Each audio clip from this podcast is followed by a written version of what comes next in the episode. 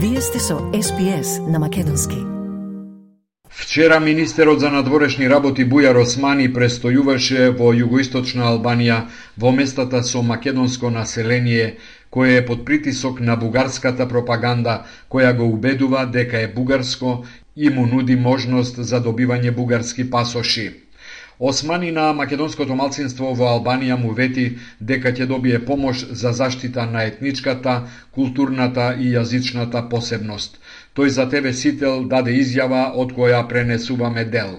Всушност тој феномен на пасошизација како инструмент на етнички инженеринг познат и пошироко во регионот мислам дека нема да вроди со плод. Јас тука со сите луѓе со кои што се видов сите се свесни за овие прашања, тоа што и ние веруваме во институциите на Република Албанија за се разбира во делот на попишувањето, но тука сме и ние да помогнеме за да ја зачуваат, како што реков, својата етничка, културна е, посебност. Со денови македонското малцинство во Албанија алармира дека е под притисок и уцени од Софија да се запише на предстојниот попис како бугарско.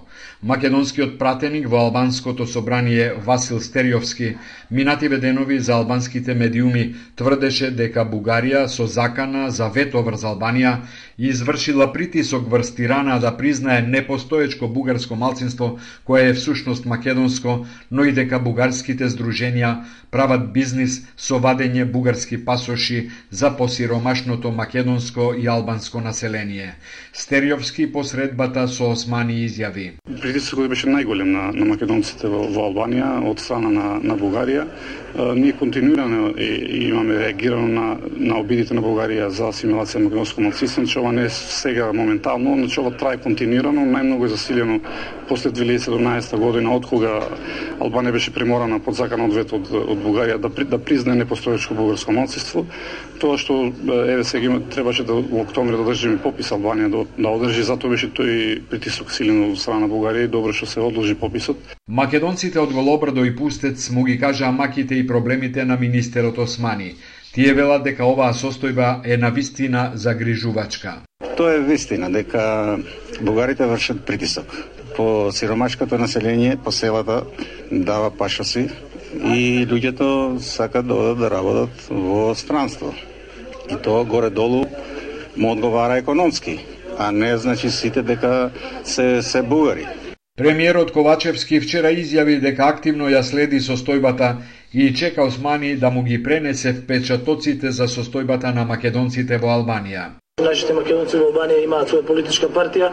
Вие знаете дека има и пратеник во собранието, градоначалник од од нивните редови. А ние како држава сме секогаш присутни меѓу нив. Врз основа на на пописот секој од нив ќе може слободно да се изрази во Албанија како македонец нормално и секој притисок доколку таков постои не треба да подлегнува на подлегнуваат на него.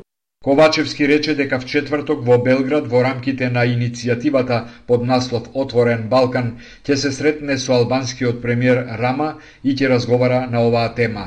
Тој е убеден дека Албанија ќе спречи било какви притисоци и секој ќе може да се изјасни како македонец на пописот. Повеста за признавањето на посебноста на Македонската православна црква од страна на Руската црква, од МПЦ има позитивни реакции. Владиката Тимотеј и портпарол на МПЦ вели дека тоа е радосна вест и дека е се поблиску Вселенската патриаршија да издаде томос за автокефалноста на МПЦ ОА. Тој за тебе сител ја даде следнава изјава. Така и не призна и, и Српска православна црква, така не препорачува и на на. Која како ќе не вика, тоа е нивно право во крајен случај. И само може да искажеме благодарност кон Руска православна црква. И тоа е една од најголемите православни цркви влијателна црква во секој случај и во секој поглед. Чекуваме од сите, сега дали ќе бидат сите или нема да бидат сите, тоа не можам да тврдам. Имајќи во предвид дека е сега сепак летен период кога во принцип синодите и соборите на црквите не работат. Нали? Руската православна црква во одлуката пишува дека го признава автокефалниот статус на сестринската црква, така како што одлучи синодот на Српската православна црква. Православните христијани вчера го прославија празникот Успение на Пресвета Богородица, познат како Голема Богородица. Голем број верници ги посетија црквите и манастирите низ цела држава и ги упатија своите искрени молитви. Поглаварот Стефан чино началствуваше со светата божествена литургија во црквата Успение на Пресвета Богородица во Матка крај Скопје. За граѓаните овој празник има огромно значење, бидејќи голема Богородица е еден од најголемите христијански празници. Важноста е голема, зашто она е мајката Божја која што го родила нашиот Господ Исус Христос Спасител. Важноста на овој празник е да се почитуваме, да се сакаме и дека Богородица е нашата мајка и треба не за да сакаме да почитуваме. Честитки по повод празникот упатија председателот Стево Пендаровски, председателот на Собранието Талат Джафери и лидерот на ВМРО ДПМН е Христијан Мицкоски, а традиционално Црвениот крст во Домот на армијата во Скопје организира крводарителна акција. Народните избраници утре се враќаат во собраниските клупи, а меѓу првите точки за кои ќе треба да се изјаснат е продолжување на кризната состојба со снабдување со струја. Премиерот Ковачевски смета дека за справување со кризата обврска имаат и пратениците кои не се дел од владеачкото мнозинство, па очекува и нивна поддршка. Обврска и одговорност на секој пратеник во собранието, а опозицијата има своји пратеници, е да да носи одлуки кои што се во насока на справување со енергетската и економската криза која што која што имаме во државата, меѓутоа и на целиот европски континент. Така да овде не се работи за политичко прашање, се работи за чисто економско и прагматично прашање. Лидерот на ВМРО ДПМН е Христијан Мицкоски, предходно засител изјави дека нема да дозволи неговите пратеници да ја поддржат одлуката без детална анализа од владата како се трошеле парите од предходната кризна состојба. Тој вели дека и за овој случај ќе важи активната блокада. На памет не ми паѓа да побарам од пратеничката група на, на ВМРО ДПМН и коалицијата да подржи продолжување на енергетска кризна состојба. На памет не ми паѓа. Без да видиме каде отидоа парите за јаглен, како инстант компании преку ноќ формирани добиваат милионски тендери за превоз на јаглен. Ковачевски во петокот ги повика сите 120 пратеници да ги поддржат уставните измени за внесување на бугарите во македонскиот устав и со тоа да ја извршат, како што вели, својата обврска кон државата во однос на европската иднина на земјата. Тој ја обвини опозицијата дека е против членството во ЕУ.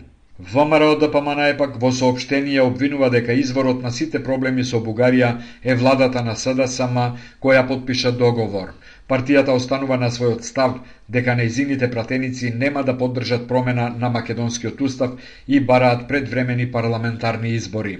И лидерот на Демократскиот сојуз Павле Трајанов одамна најавува дека бугарите нема да влезат во уставот додека не се обезбеди реципроцитет во бугарскиот устав за македонците што живеат во Бугарија.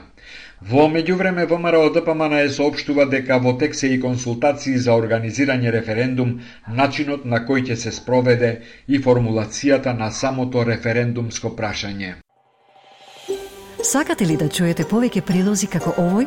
Слушате подкаст преку Apple Podcasts, Google Podcasts, Spotify или од каде и да ги добивате вашите подкасти.